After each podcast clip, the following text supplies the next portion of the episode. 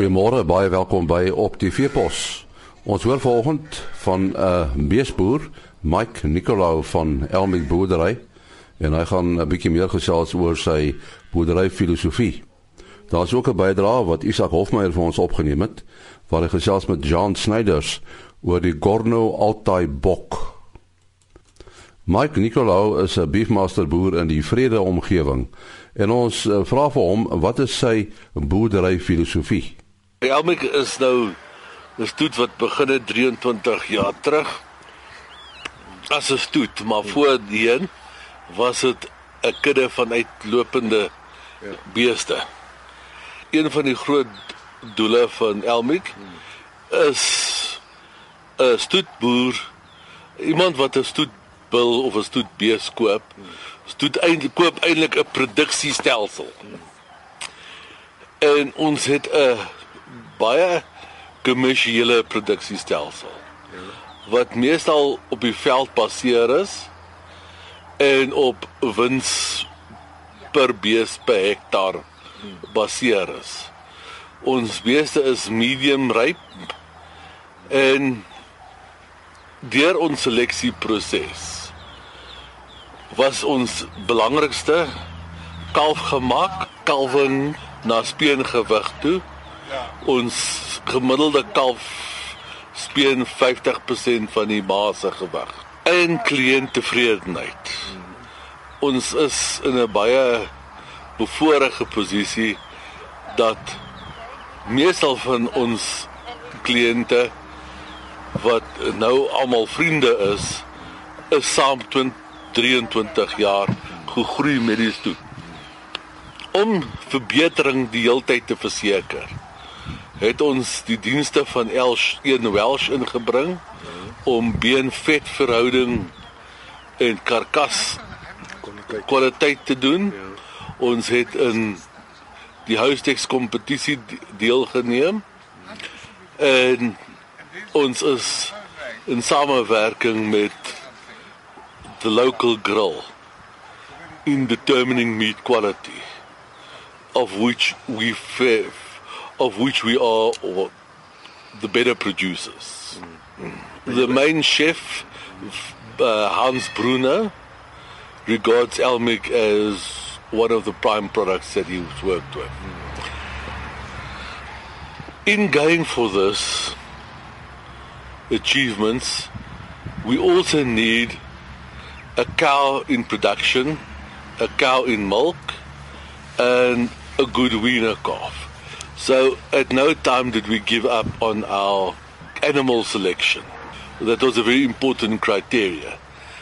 That the animals that we produce are first of all farmer friendly. Yes. Lekker boerbeeste. One of the difficulties of any cattle farmer is to stay true to your beliefs. You cannot change because my fashion dictates. There have come many different cattle breeds in and out during my time. And every time people think this is the ultimate breed. In actual fact, there are no real bad breed or an ultimate breed we strive to be 10% above average. And in the process, I have learned that you cannot do too much to a frame of an animal or change an animal to such a degree without losing something else. Mm.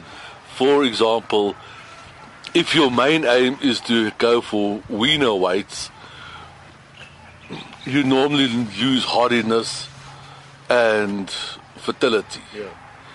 So, we know weights is important, but reconception is more important. So we stay to our, we stay true to the belief that our cattle is at a process in life where I really want them to be. Saying that, it doesn't mean you cannot continue improving it. We will continue improving it through meat quality, bone to meat fat ratio, its walking ability, its movement, its covering capacity, and its longevity. In this process,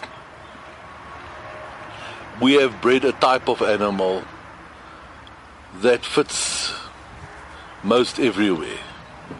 And clients who have bought from us have, over many occasions, showed their high regard to the animal.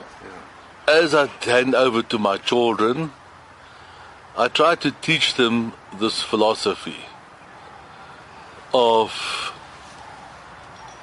trying to be above in all fears.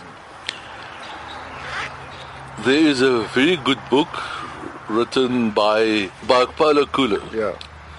In this book, he takes you through a journey to look for a treasure. And throughout the journey, he discovers his treasure is right in front of him. Was right in front of him all the time. But he had to go through this process to discover that his treasure was where it has always been. For farmers and for cattle breeders, your tre- our treasure is eating every day in front of us. We cannot change it to something that it should not be. We can only improve it to make it more enjoyable animal to farm with and that the animal enjoys its enjoys its time it is spent under your care. Yeah, there is a seesaw in life. So if you chase wiener weights, eventually you'll have carving problems, you'll have bone structure problems, you will have feeding problems.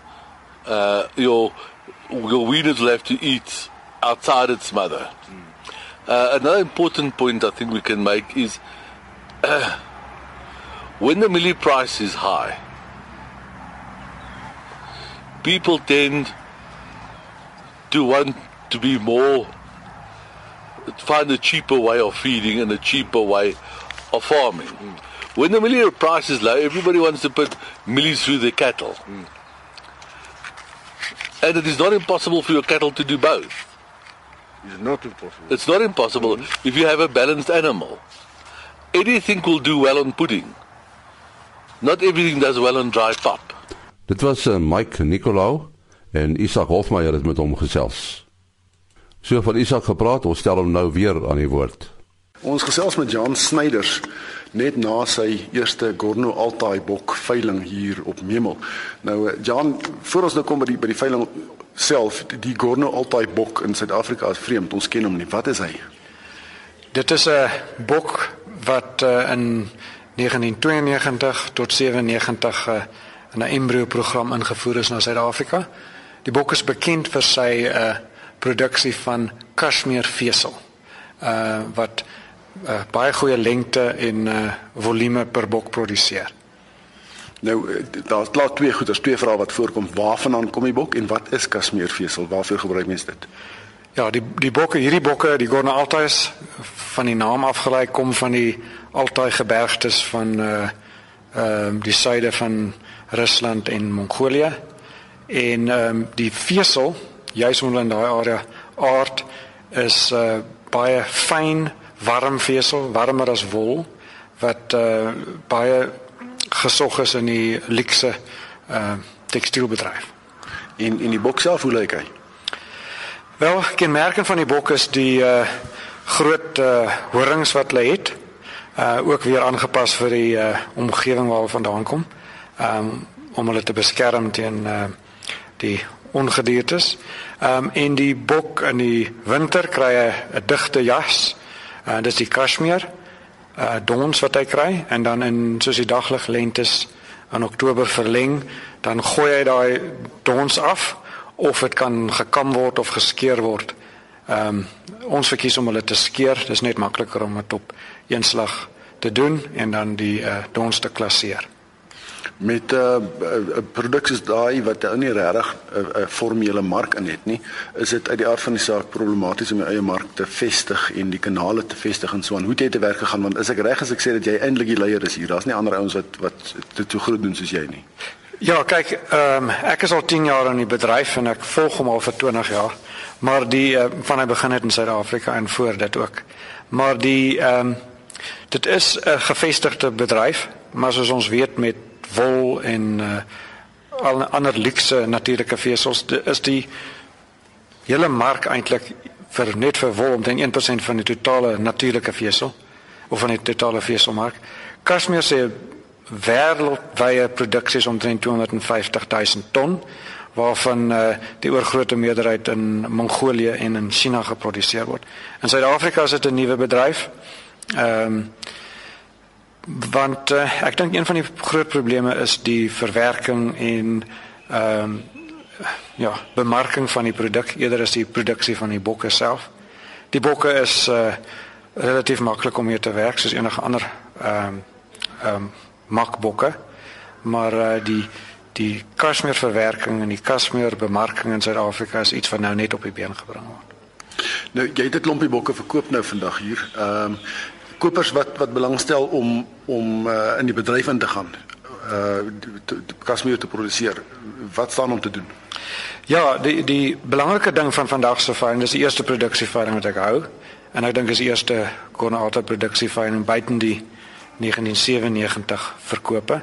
Uh die goeie ding was daar's uh, heel wat kopers wat belangstel en eerste keer in hulle lewe eintlik blootgestel aan hierdie tipe bok. Uh dit was die belangrike uh, mylpaal wat ons gehaal het vandag. Uh maar die oorgrootste meerderheid van die kopers was uh vleiskopers. Uh dit wat nie 'n negatiewe ding is nie, dit wys uh, intendeel met 'n paar ander uh uh luxe vesel wat geproduseer word. Daar is 'n vleismark en daar is 'n vleismark in Suid-Afrika vir die bokke ook, buiten die uh die veselmark. Na die vesel geskeur is of uh gekam is, soos dit tradisioneel gedoen word, dan uh, word daar verwerking gedoen uh om die hare van die dons te skei. Uh die volume hare is omtrent 50% van die totale skeersel. Uh die, dit is een van die uh moeilike dinge. Ehm uh, en dit word nou in Suid-Afrika gedoen op klein skaal as daar twee fabrieke, een in Natal en een in die Wes-Kaap wat dit doen. Maar groot skaal is daar 'n uh, 'n uh, ontharings uh, aanleg wat uh, deur die WN en R bestuur uh word. Die vorige aanleg uh, het in 2014 gebrand, so maar nuwe toerusting is nou ehm um, is klaar bestel. Dit is op pad na die baai toe waar dit uh, dan geïnstalleer word.